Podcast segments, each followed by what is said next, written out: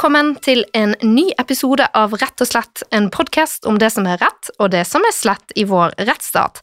Denne podkasten er sponset av Karnov juridisk forlag, og mitt navn er Katrine Holta. Jeg er strafferettsforsker på Politihøgskolen. I denne episoden så gjenopptar vi samtalen som vi startet på i forrige uke, så dette her er del to om fetteren til Birgitte Tengs.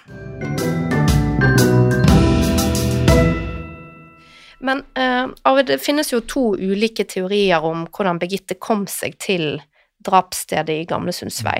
Altså Den ene er jo, og det er jo den politiet tror på innledningsvis i saken, det er jo at hun ble fraktet dit i en bil, og det finnes jo diverse vitneobservasjoner som har sett hun lene seg inn mm. over en bil i Kopervik sentrum. Uh, og fetteren hadde jo ikke bil, så denne teorien her, der hun ble fraktet ut med bil, den, den utelukker jo fetteren som, som, gjerningsperson. Den andre teorien er jo at uh, hun gikk hjem sammen med fetteren som trillet denne sykkelen, og det var jo det politiet trodde på. Um, og, og, i dette her så ligger det jo også en forutsetning om at fetteren da hadde gått hjem fra byen seinere enn det han sjøl hadde fortalt til politiet i avhør, og seinere enn det tidspunktet der faren hans mener at han kom hjem, og at han vinket han inn. Ehm, så dette tidspunktet, altså Hvordan ble det behandlet i retten? Altså, hvordan ehm, Vil du si litt om det, eller utdype dette litt? Jo, fordi at eh, etter min oppfatning så er det helt åpenbart at her har det vært en bil inne i bildet. Mm. Og det skyldes at det er for mange omstendigheter som er da eh, nedtegna som angår en bil. Og da tenker jeg først på bilen ut forbi eh, puben mm. i, i Kopervik, der hun har lent seg inn, sannsynligvis, og der folk sier at det ligner på henne, og de trodde det var. Det er tre vitner som sier det. Og så forsvinner bilen, og så kjører det en bil i en forferdelig fart eh, langs vannet før han svinger opp til høyre, opp mot Gamle Sundsvei. Og det er en vei som ingen kjører med mindre de vet om han. Fordi mm. at det, det er ingen som kjører opp den veien også, også gjennom to andre hus, altså gjennom et mm. gårdsrom, mm. for å komme opp. Og der kjørte den bilen. og Det tyder på at det er en lokal person. Og oppe på åstedet så er det jo et, der har det jo skjedd et, et, drap lenger oppe i veien, sannsynligvis ved at en har sprunget vekk fra bilen, eller et eller annet sånt, fordi at det, selve drapsstedet er på oppsiden av bilen, og så er det da slepespor ned, rundt i en runding, og så inn en port. Mm. Eh, som ligger der, eller, eller gjerdestolpe der, mm. og så inn der. Og det tyder igjen på at det har stått en bil der. Og det som jeg oppdagte, det var det at de hadde funnet skjellsand, annet på det stedet. Og det er så typisk hvis du har rygga inn i en haug med skjellsand så det var rett ned forbi, og så kjører videre, og så bremser brått eller noe sånt, så vil dette av bilen. Eh, slike ting. Og det, alt dette sto der. Og i åstedsrapporten så står det at man kan ikke utelukke at det er skjedd i eller ved en bil mm. i forhold til dette. Mm. Så derfor så mener jeg at det er meget sannsynlig at det er blitt brukt en bil. Men det er så rart altså, hvordan politiet da legger vekk den teorien. altså Hvordan skjer det? Ja, altså for meg, eh, som har studert eh, hva som går galt når det går galt med politiets etterforskning, eh, så, så, så er ikke dette rart i det hele tatt. Altså, og, og, La meg igjen trekke veksler på, på Braddon Garretts utmerkede forskning. Han og hans kolleger i USA som har samme hva skal vi si, kunnskap og bakgrunn som Gisle Gudjonsson, nemlig Saul Cassin, som på mange måter er USAs Gisle Gudjonsson, som har stått og forsket på dette like lenge, en av, sammen med Gudjonsson verdens autoriteter. Det de ser når de studerer disse sakene, eh, og, og, og i USA er det mange av dem, så de kan virkelig finstudere dem. Det de ser, eh, og eh, det er jo at når det kommer en falsk tilståelse, så har de analysert sakene, og det de ser, det er at sakens øvrige bevis, uavhengig av, de plutselig så, så begynner de å tilpasses den falske tilståelsen, inkludert tekniske bevis. Altså vitner, endrer forklaringene sine, osv., osv. Dette er i de fleste tilfellene så er det ikke ond vilje og korrupsjon fra politiet. Dette er sterke utslag av bekreftelsesfellene, fordi politiet blir overbevist.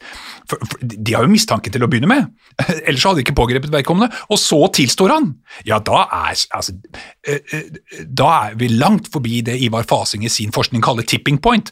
Nå starter man bare å samle inn informasjon som bekrefter eh, overbevisningen om skyld. Men det skumleste med de ulike formene for bekreftelsesfeller eller kognitive forenklingsstrategier, det er jo at mennesket, også politietterforskere, vi har en lei tendens til å ignorere eller bortforklare informasjon som ikke stemmer overens med hvordan vi mener verden henger sammen. Så dette fenomenet at eh, eh, hva skal vi si, informasjon, objektive funn som ligger i saken, bortforklares etter tilståelse, slik at tilståelsen passer. Se på Fritz Moen-saken! Han var jo ikke i Trondheim når drapet ble begått! Hvordan skulle de klare men de klarte allikevel, eh, på en ganske finurlig måte, å sørge for at ja, de flyttet jo drapstidspunktet ett døgn. Og da kunne det være Fritz Moen, for da var han jo tilbake fra Selbu, tilbake i Trondheim. Så, så, eh, så det, det, det, er utrolig fascinerende, dette. Og, og, eh, men, men, i dag har vi kunnskap om dette. Eh, det betyr ikke at det aldri kan skje, men, men, men nå har vi iallfall kunnskapen. Altså. Mm, og da er du inne på noe som vi har snakket om tidligere. Altså, det er noe med at i en straffesak, da, der på en måte når bevisbildet går opp, så er ikke det fordi at du småjusterer alle mulige puslebiter i et vanvittig eh, hele, ikke sant. Det er jo eh, det, på en måte, det er mer sånn at brikkene faller på plass. Du trenger ikke alle disse omjusteringene hele tiden, men det faller på plass når bevisbildet går opp. Det en ofte ser i de store rettssakene som har vært i Norge, og spesielt de som gjenåpner da, det er flytting av dødstidspunktet. Mm. Og den justeringen der, den ser man i Baneheia-saken, den ser man i Birgitte-saken. Mm. Fordi at hvis du kjører bil, så er du oppe god tid før halv ett. Hvis du, kjører, hvis du går, så må du være oppe klokken tolv. Og det som jeg fant ut, det var det at når jeg skulle begynne å gå gjennom dette til hovedforhandling, så ba jeg om å få samtlige artikler som lå i VG og Dagbladet om denne saken. Og Der ser jeg et intervju med etterforskningslederen fra august 1995, der han sier at nå har vi nettopp fått en ny undersøkelse fra eh, Universitetet i Bergen som viser at dødstidspunktet er mye tidligere enn det vi trodde før. Det sier han. Mm. Og Den artikkelen sto inne i VG den 15. i 8. i 1995, og det var Hans Petter Aas som hadde skrevet denne artikkelen. Mm. Han ble og, også intervjuet i den dokumentaren. Ja, og det som jeg gjorde, jeg foreholdt eh, Finnsal dette i retten. Om dette, denne her Og Finnsal er da etterforskningslederen? Det er etterforskningslederen, og han sa at det var noe som journalisten hadde funnet på. Fordi at det etterforskningsdokumentet, den, den, eh, det fantes ikke. Altså det, var, det, fant vi ikke igjen i dokumentene. Og det fant vi først når saken kom opp i lagmannsretten. Så vi hadde det ikke i, i, i tingretten engang. Mm. Så det er en sånn del med at eh, noen dokument forsvinner. Noen blir vekke, og noen er i behold. Og det er òg et problem akkurat i den type sak. Mm. Jeg bare legger til da at eh, Finsel eh, benekter da i dokumentaren at de har underslått dokumenter. Ja, og, og, og kan jeg bare Arvid og, og, og, kjære lytter, holdt jeg på å si, for det er én ting som det er som jeg ønsker, og som er viktig å få fram. Og du, du, du, får, du får, justere meg mm. eventuelt, men, men jeg, jeg, er jo politi, og, og, ja, vi har tatt et smertefullt oppgjør med, med, med avhørsmetoden og tenkningen osv., eh, men jeg syns vi skylder mine kolleger eh, den opplysningen om at vi ble jo villedet av Rettsmedisinsk institutt Eh, ganske betydelig. Eh, vi fikk vite at den som drepte Birgitte, han hadde langt hår. Eh, fordi hårstrået som Birgitte hadde i sin blodige hånd, det var ikke hennes. Det, det, var, det var, premissene for mine kolleger. Um, og så et år senere. Altså, det betyr at Rettsmedisinsk institutt har fortalt oss at dere leter etter en mann med langt, lyst hår. Mm. Jeg har plakater som, som, skulle henges opp rundt omkring på Karmøy, der det var bilde av dette hårstrået med en direkte melding til gjerningsmannen 'Kom og meld deg, vi vet hvem du er, du har langt, lyst hår'. Altså, det, det var jo premisset vårt. Ja, og dette var jo helt katastrofalt, fordi at det forsinket jo etterforskningen med et år. Altså, eh, Brit, altså Når vi snakker om drapsetterforskning, betydningen av å komme i gang den første timen, the first hour, altså the golden hour, som, som britene kaller det, de første 24 timene, de første 48 timene, er ekstremt viktig for politiets etterforskning. Og her, her, her kommer vi på mange måter et år på bakbeina, så jeg syns at eh, når vi først snakker om saken, men, men, kanskje du kan Men Det er en viktig, altså, veldig viktig det presisering, det. altså. Det, det, det, er helt åpenbart at det hadde stor betydning, ja. for det har hatt for stor betydning i ettertid òg. Mm. Fordi at de med kort, mørkt hår, de ble spurt etter navn, og så hvor de var, mm. og så ble de ikke spurt noe mer. Nei. Altså, det, altså, det er ei side på alle med kort, mørkt hår som er innkalt som vitner, og det er om de kunne mistenkes og hva de måtte gjøre. Og det har ødelagt så mye i den saken mm. at det er en skandale, for å si det rett ut. Nettopp. Så det, er, det, det var en, en, en, meget viktig umiddelbar årsak til, til skandalene. Ja, og det ble først oppdaget eller De snudde da uh, bunken den 16. oktober, tror jeg det var, Akkurat. i, i 1996. Nettopp. Og det var da de begynte å lete etter nye folk. Mm. Men Arvin, jeg vil litt inn på lagmannsretten sin behandling av saken. og Der blir jo da, som jeg nevnte innledningsvis, fetteren blir da frifunnet i straffespørsmålet, men likevel dømt til erstatning av fagdommerne. Eh, og til behandlingen i lagmannsretten så trekker du deg som forsvarer, sånn at du kan vitne i saken.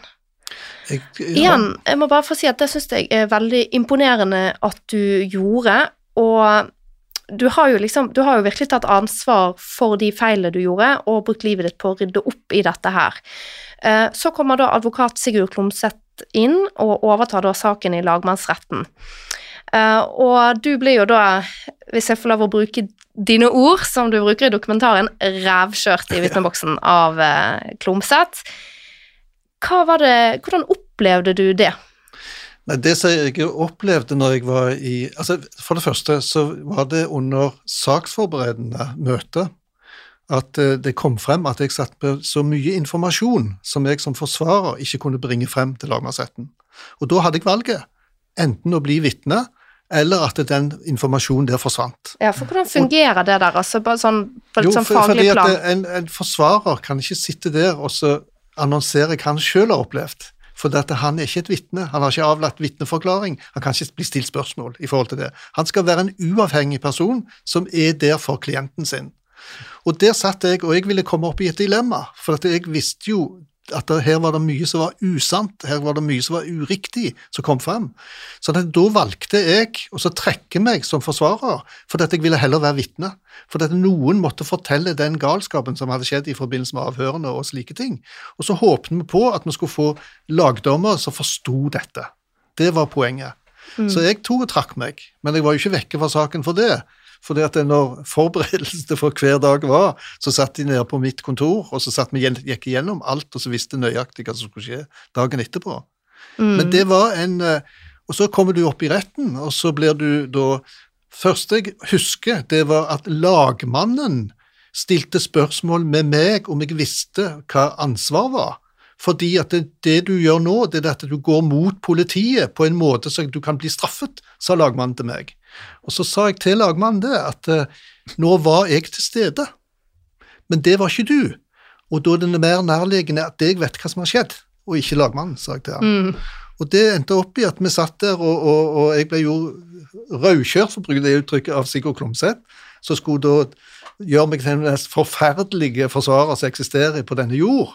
Og det var greit nok, det, altså sånn som det var. Mm. Men jeg tror det at det, disse opplysningene som kom frem der, det har nok hatt betydning for lagretten, som da kom til et nei til slutt. Det er også opplesning av, av dagbøkene mm. som, som, ble gjort i forhold til det. Mm. mm. Også denne rapporten som da kom fra Gisli Gudjonsson, selvfølgelig. Mm. Også han engelske politieksperten. Ja. Irving. Og, Irving ja, og, Grete Strømme. Og Grete Strømme, selvfølgelig. Som var da en sekretær som ja, hadde jobbet på politikontoret.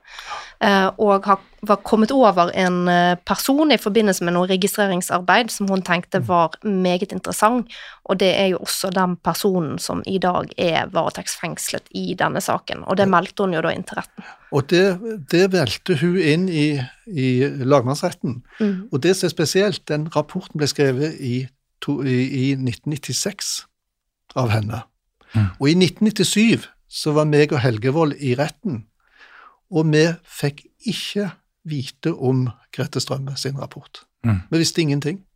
Men det som meg og Helgevold gjorde, det var det at vi gikk igjennom de som ikke var sjekka ut av saken. Altså i tingretten så visste ja, ikke om det? I, nei, i herredsretten, ja. Så visste vi ikke mer om det. Men det vi gjorde, vi gikk igjennom som, de som ikke var sjekka ut av saken, og førte bevis for at de ikke var sjekka ut av saken. Og der er òg han som nå er sikta. Sånn at eh, når vi da gikk ut av den saken, så, så var det litt overraskende at uh, vi ikke fikk uh, At, ikke, at ikke lagmannsretten så disse her elementene, som at det var mange som ikke var sjekka ut av saken. Mm. Og der kan jeg bare si det at uh, i 2001, eller 2000, når dette drapet på Tina Jørgensen kom, så tok jeg kontakt med statsadvokaten, jeg tok kontakt med politiet. Jeg gjorde det jeg kunne, fordi jeg så at det, drapene var så like. At det vi var nødt til for å sjekke disse sakene sammen, at de avhørte òg han andre. Men da fikk jeg greie på at uh, han var jo sjekka ut av saken. Og da sendte jeg 22 brev til politiet, til riksadvokat og alle for å få vite hvordan han var sjekka ut av saken, og fikk alle svar. Hm, interessant. Um, Asbjørn, Uh, disse skjelvingene i begravelsen til Birgitte, det er jo en av grunnene til at fetteren ble mistenkt. Uh, eller i hvert fall noe som styrket mistanken, kanskje rettere sagt. Um, og han har jo, forklarer jo da i retten at, uh, at pressen var jo til stede i denne begravelsen, og det var allerede skrevet om han i avisen, så han føltes jo allerede mistenkeliggjort på dette tidspunktet. Og han sier da i retten at han følte alle linsene på seg, og forklarer at det er grunnen til disse skjelvningene som han på en måte mistet, altså han mistet kontroll på kroppen, da. Uh, og da, Asbjørn, lurer jeg på, kan vi trekke konklusjoner fra slike reaksjoner til spørsmål om sannhet? Nei, eh, det kan vi ikke. Eh, eh, spørsmålet er interessant på, på, på mange måter. Men, men, men det, det, underliggende her, det er jo bekreftelsesfellene. Altså at politiet har gjort seg opp en formening, en, en, en, en konklusjon, og da starter mennesket uav, helt automatisk, og uten at vi merker det, så leter vi etter informasjon som bekrefter eh, mistanken. Og det er klart, sånne tegn som det Eh, det var jo mange andre ting som de fant om fetteren. Eh, jeg hørte historier helt ned til Oslo politikammer eh, om, om, om de psykopatiske trekkene han hadde, fordi de, de ungdommene hadde vært på kaia på en brygge, og så hadde de lekt med sånn at de tok tak i en kamerat om de skulle kaste han ut i vannet. Men dette var jo selvfølgelig en spøk for alle, men fetteren hadde sluppet. Altså, han var kaldblodig. Ikke sant? Altså, ikke sant? altså, alle disse historiene alt, det, når, eh, eh, når det oppstår en mistanke, og i en så alvorlig sak osv., så, videre, så kommer det informasjon, eh, og politiet suger til seg informasjon Mm. Dvs. Si menneske.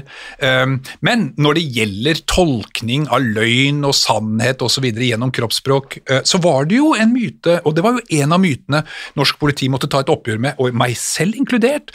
For jeg ville jo knekke den koden som jeg ble fortalt av mine eldre kolleger, at bare du hadde erfaring nok, så ville du lære deg å se om uh, i anførselstegn da, slasken ljuger eller ikke. Og jeg, og, jeg, og jeg, dette har jeg kanskje snakket om før, Eh, eh, men, men, poenget var at jeg ville jo bli flink, så jeg ville jo knekke den koden. Og eh, gikk jo til eldstemann på, på laget da, i avdelingen og spurte hvordan, hvordan gjør man det? Og da bare lente han seg tilbake i stolen ikke sant? og bare sa erfaring. Mm. Fader, det hadde jeg ikke. Pokker, ikke sant. Så var det bare å skaffe seg erfaring. Og jeg, jeg avhørte og avhørte, og jeg lagde egne skjemaer.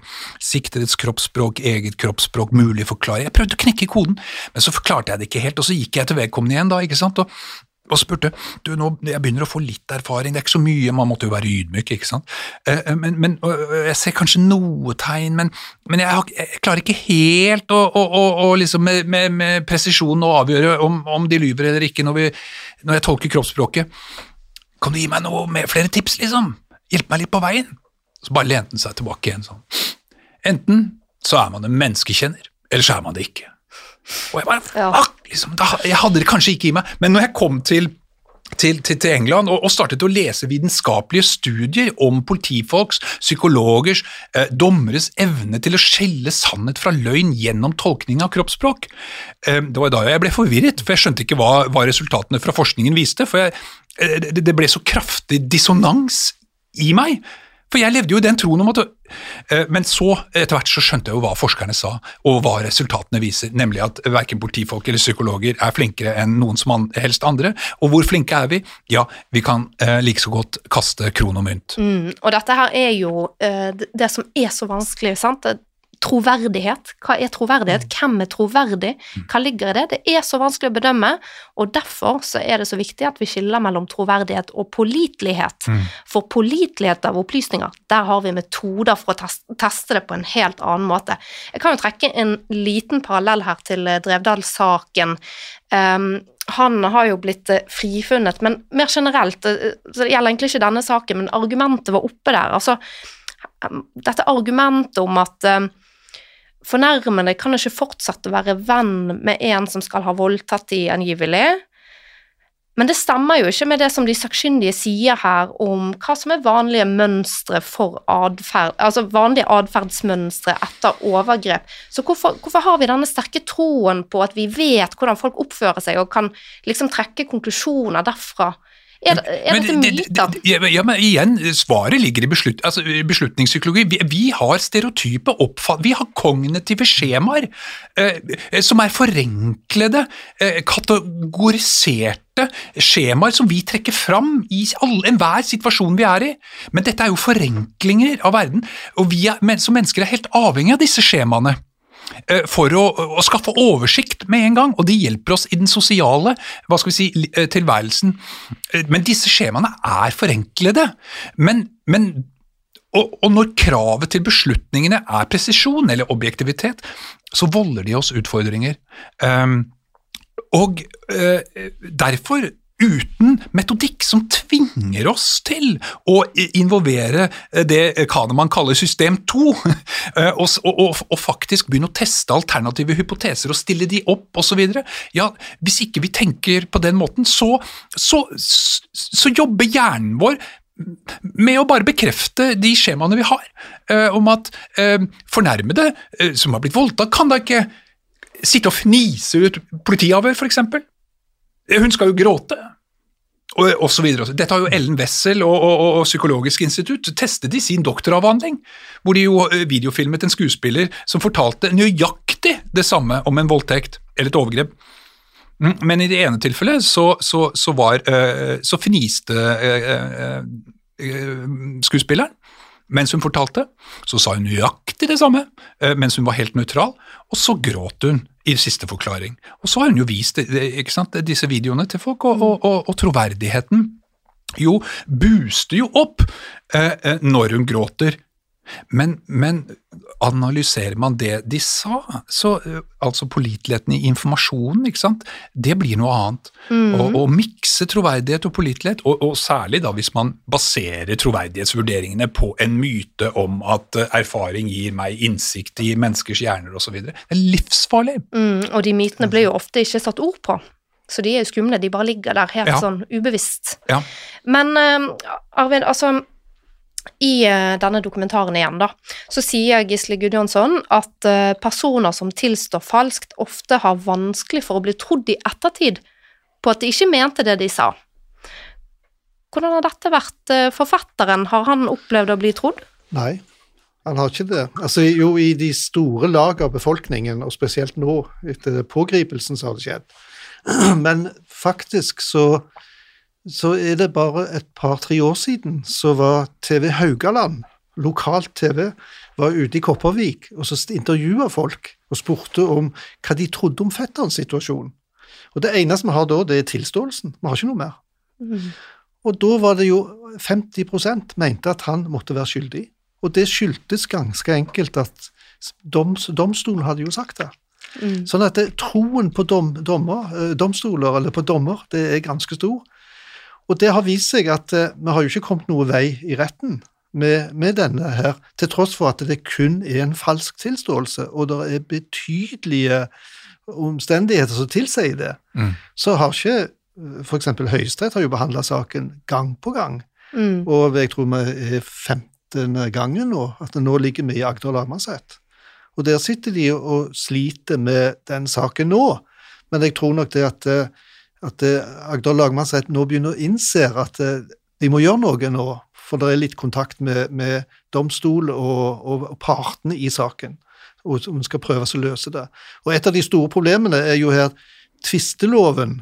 For siden dette er en sivil sak, for i 1990 så endra de ikke lovene i takt med at de plutselig begynte å dømme folk for, for straffbare forhold så endra de ikke noe. Og det gjorde at fetterens frist til å gjenåpne den saken gikk ut i 2003, for det var bare fem år. Og så fikk vi en dom på ti år, og så sa Høyesterett nei, det gjelder fem her, osv. Ja, nå snakker du om erstatningsdommen, altså, ja. som ligger til grunn fremdeles, og den er jo da oversittet den tiårsfristen som gjelder for å begjære gjenåpning av en sak, og det er jo en utfordring for dere. Um, der er jo det ulike grunnlag som man kan prøve å påberope, f.eks. EMK eh, e artikkel 13. Der heter det at uh, enhver hvis rettigheter og friheter fastlagt i denne konvensjonen blir krenket, skal ha en effektiv prøvingsrett ved en nasjonal myndighet, uansett om krenkelsen er begått av personer som handler i offisiell egenskap. Uh, og vi har jo altså da konstatert uh, at vi har vi har en fetter som har blitt dømt til å betale erstatning for en annens ugjerning. Eh, det må jo være en krenkelse av konvensjonen her. Så hva er, hva er, planen for denne erstatningsdommen nå? Hva den ligger Det ble begjært eh, i, i 27.11., så ble det sendt inn en begjæring på nytt med gjenåpning. Og Det er på bakgrunn av at det var pågrepet en ny person og der sier jo de lokale domstolene sier det at det er sterk sannsynlighet for at han blir dømt for forholdet. Men det bryr ikke vi oss om. Men det, det er nok at det er lagd ei ny luke til, til, mot skyldspørsmålet. Det er nok for oss. Og det viser jo at det, det som jeg alltid har sagt, at her kommer vi altså en gang siden at domstolen ikke hører på oss, så vil vi en gang komme med at det er to dømt for denne saken, sannsynligvis. Mm. Og der begynner vi å nærme oss nå, kanskje. Mm. Det vet vi ikke. Mm. Men det er derfor vi har da tatt opp med Agder Lamaset og så begjært gjenåpning. Ja, altså Hvis den personen som er i dag er siktet, og som er veldig viktig å understreke at det er uskyldig inntil det motsatte er bevist mm. Hvis det skulle ende med en domfellelse der, så vil det jo være to personer som er dømt for det samme, og det kan vi jo ikke leve med som rettssystem, mener jeg. Nei, men etter loven så skal han det. Ja. Sånn som loven er, er, skrevet, og sånn som den praktiseres. Mm. Og jeg prøvde jo med forrige justisminister å skrive ti brev for å få dette endret. Det var oppe i spørretime og alt med himmel gjorde, men de gjorde ingenting. Så jeg tror tiden er inne for gjerne å prøve den nye justisminister med en liten henvendelse. Mm, ja, og så får vi se om, eh, om det kan finnes um, noen um, kreative påstander via EMK, altså Menneskerettighetskonvensjonen, som kan hjelpe her. Men eh, mm. vi, eh, vi, mistet litt tråden på det som eh, jeg var inne på, så var dette her med løgn og sannhet. Fordi fetteren, han tok jo en løgndetektortest mens han var i fengsel. Uh, og dette var jo da etter at han hadde gitt sin tilståelse, så ble han flyttet opp til Bergen. Uh, og trakk jo tilståelsen igjen, ikke sant, men hadde jo voldsomt angst for å trekke denne, og da mm. Gjorde du, Arvin, det var du som da trakk den uh, tilståelsen um, og på en måte få ta støyten for det, da, for han var jo veldig redd for hva folk ville tenke hvis han nå gikk tilbake på det han hadde sagt. Eh, men etter hvert så kommer han da til den erkjennelsen at han skal ta denne løgndetektortesten. Eh, og den blir utført av en professor i psykologi fra NTNU. Og konklusjonen er at han med 98,3% sannsynlighet snakker sant når han sier at tilståelsen er falsk, at han ikke har drept Birgitte. Eh, og dette med løgndetektortester, det er jo noe som vi ser på TV. jeg har nå alltid tenkt at eh, det er veldig problematisk, det er en god grunn til at det ikke brukes i straffesaker i Norge. Asbjørn, funker løgndetektortester? Uh, nei, ikke på den måten som beskrives her. Eh, de er ikke eh, i nærheten av den påliteligheten som påberopes fra eh, Svebakk, som var den professoren som gjennomførte denne testen. Det fins nå andre former for løgndetektormaskiner eller apparater, og hver gang det kommer nye apparater og metoder, så hevder de som selger dem og bruker dem og har det som levebrød, at disse er mer effektive og disse er mer pålitelige osv. Hver gang disse maskinene eller uh, apparatene uh, testes av uavhengige forskere, så ser man at de på langt nær er så pålitelige som, som, de som selger dem, påstår. Dette er en storindustri i USA og har spredd seg til andre deler av verden. jeg var på en svær konferanse, etterforskningslederkonferanse i Kina. Jeg var på verdens største politihøgskole i Beijing hvor etterforskningsledere fra hele Kina var samlet på en svær konferanse, eh, og hvor da eh, eh, businessmenn fra hele verden kom inn for å selge disse ulike formene for apparatene. For det er klart, får du solgt inn ideen om at disse fungerer inn i Kina, så skal jo alle politistasjonene i Kina ha en. Og, og, og da er du ikke bare millionær, du er billionær, ikke sant? Så dette er big business, men som sagt, uavhengig forskning som forskning som ikke har egeninteresser i apparatet eller metoden. Uh, uh, har, uh, årsaken til at politiet f.eks. i USA bruker ulike former for løgndetektorer, enten polygrafen eller voice dress analyzer, det spiller ingen rolle. årsaken til at de bruker det, den primære årsaken eh, det er jo at de, de, de, eh, de klarer å eh, De bruker det som en manipulasjon, som en tilståelsesfokusert metodikk, der de klarer å overbevise den mistenkte som sitter overfor dem, om at maskinen sier du lyver. Kom av man! ikke sant? Du, du, er solgt. Og hvis vedkommende da er skyldig og, og tror på denne maskinen, og så fuck ja, ikke sant? For det vi vet, det er et faktum, er at eh, en av de viktigste variablene for om en skyldig mistenkt tilstår eller ikke, det er graden av bevis han opplever at politiet har mot vedkommende. Eh, og det er klart at Hvis en skyldig sitter der og nekter, men så får han bare beskjed om at hei, vi kan bevise, maskinen eh, beviser at så, så, så, så, øker det sannsynligheten for at vedkommende tenker ok, spillet er over. Men da må jo politiet eh, manipulere vedkommende til å tro at denne maskinen fungerer. Og hvis de klarer det, så har maskinen en effekt. De skaffer tilståelser. Eh, problemet det er mange etiske problemer, og, og, dette har jeg skrevet om i doktoravhandlingen, men problemet er, og det, det viser jo Birgitte-saken og avhøren av fetteren, og en rekke andre eh, eh tilsvarende saker, f.eks. i USA, det er jo at de som er sårbare for manipulasjon, eller befinner seg i en ekstremt sårbar situasjon eh, i, i lys av isolasjon osv., det er jo at eh, de, de begynner jo å tenke at ok, da må det være meg. Altså, de er ledd, eller, eller, det er ikke meg, men, men jeg blir dømt uansett. De, det er de som er sårbare for manipulasjon, hvor disse maskinene fungerer best. Uh, så det er, de er altså uh, ikke veien å gå, uh, snarere tvert imot. Mm. det fins ingen snarvei til sannheten. Eh, det er en painstaking informasjon, eh, eh, og det vi jobber med er å innhente så nøyaktig og pålitelig informasjon som overhodet mulig, slik at forsvarerne, slik at påtalemyndigheten og til slutt domstolene kan fatte sin beslutning på et så informativt og trygt grunnlag som overhodet mulig. Men det fins ikke noe snarvei til sannheten, verken gjennom tortur eller løgndetektorer eller andre eh, veldig attraktive tanker ikke på en snarvei.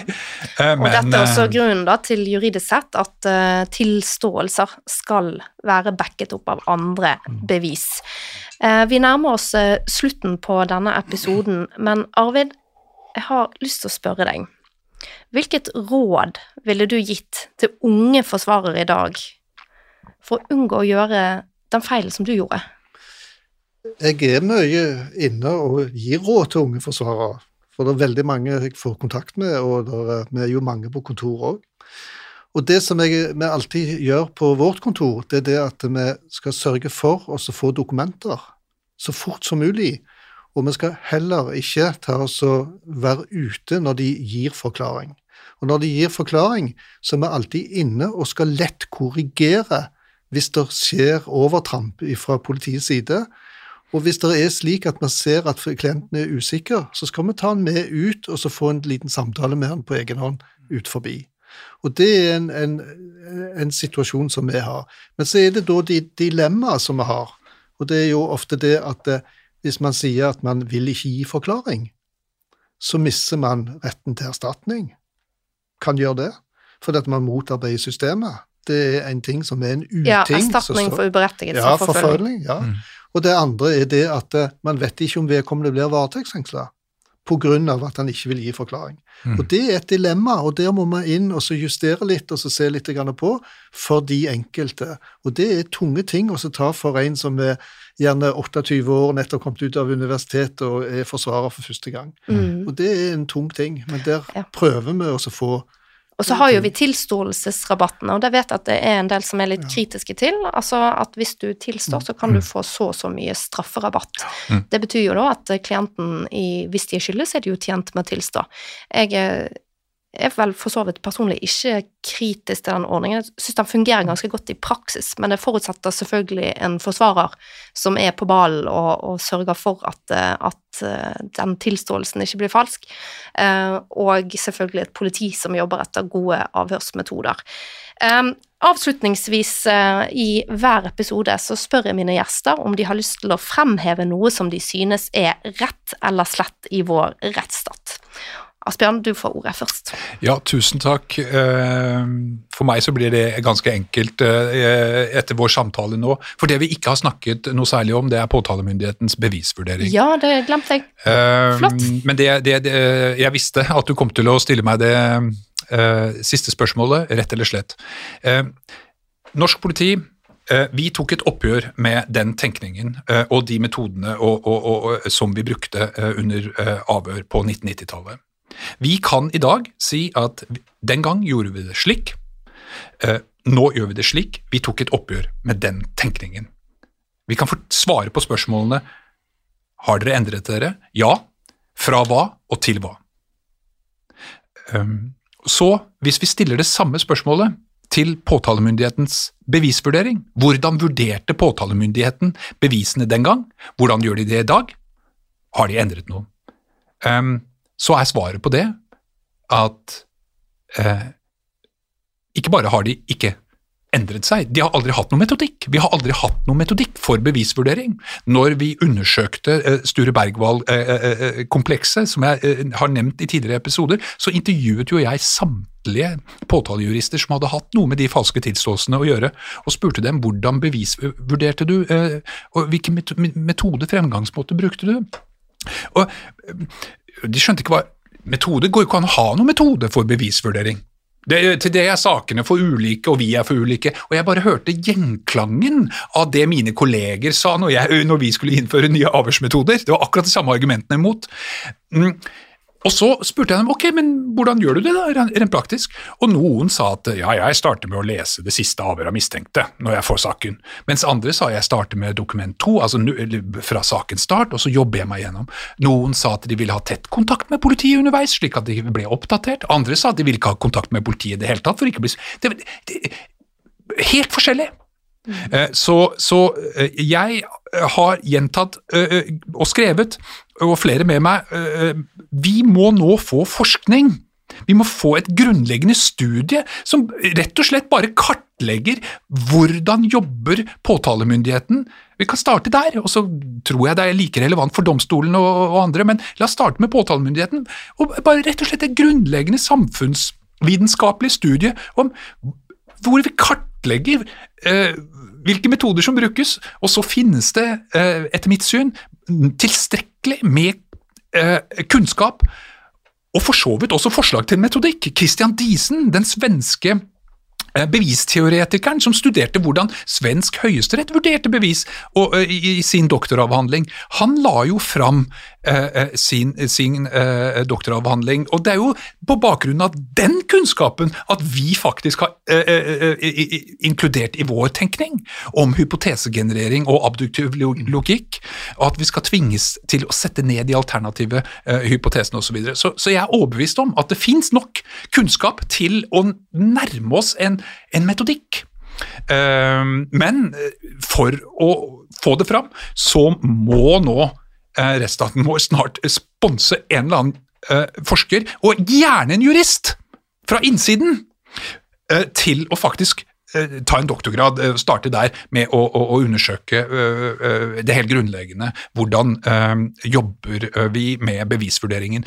Og, og, når vi har den, så kan vi begynne å snakke om ok, hvordan kan vi forske fram beste praksis, og en, en, metode som har et vitenskapelig og teoretisk fundament.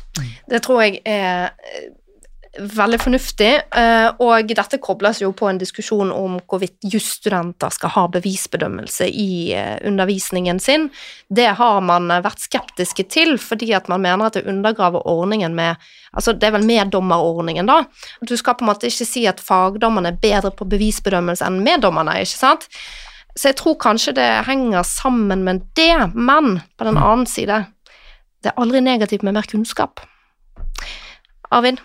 Hva er rett eh, eller slett i vår rettsstat?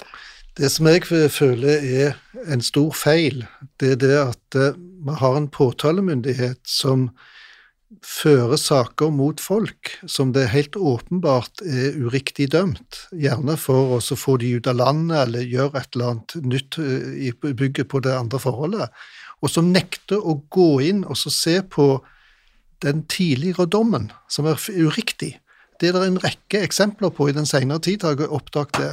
Og da bruker alle institusjoner den samme begrunnelse. Så sier de det er gjenopptakelseskommisjonen som kan gjenåpne en sak. Hører en klang av barneheia her? Nei, ikke barneheia. Dette er andre saker som jeg har jobba med nå i lang tid, og prøver å redde livet til med folk som er på vei ut av landet, nettopp pga. uriktig dom. Da er det ingen som noe overhodet vil se ned på det åpenbare feildommen som ligger der, og det er gjenopptakelseskommisjonen sitt ansvar. Men når gjenopptakelseskommisjonen avviser det, men blir tvunget til å sette i gang på nytt, og lover da at de skal gjøre det, så er det allikevel ingen bevegelse i systemet. Og der er det noe feil, fordi at da tar man med åpne øyne, og så ødelegger folk. Altså Man river sunt folk, og så tar og skal knekke de fullstendig i et rettssystem som skal være det motsatte. Og det syns jeg er det verste som jeg opplever i, det, i dagens Norge. Mm. Takk for det, eh, og takk til dere som har lyttet eh, til oss. Det var det vi hadde for denne gangen. Husk å abonnere på denne podkasten, og så er vi tilbake igjen om en uke med noe nytt som er rett eller slett i vår rettsstat. Takk for i dag.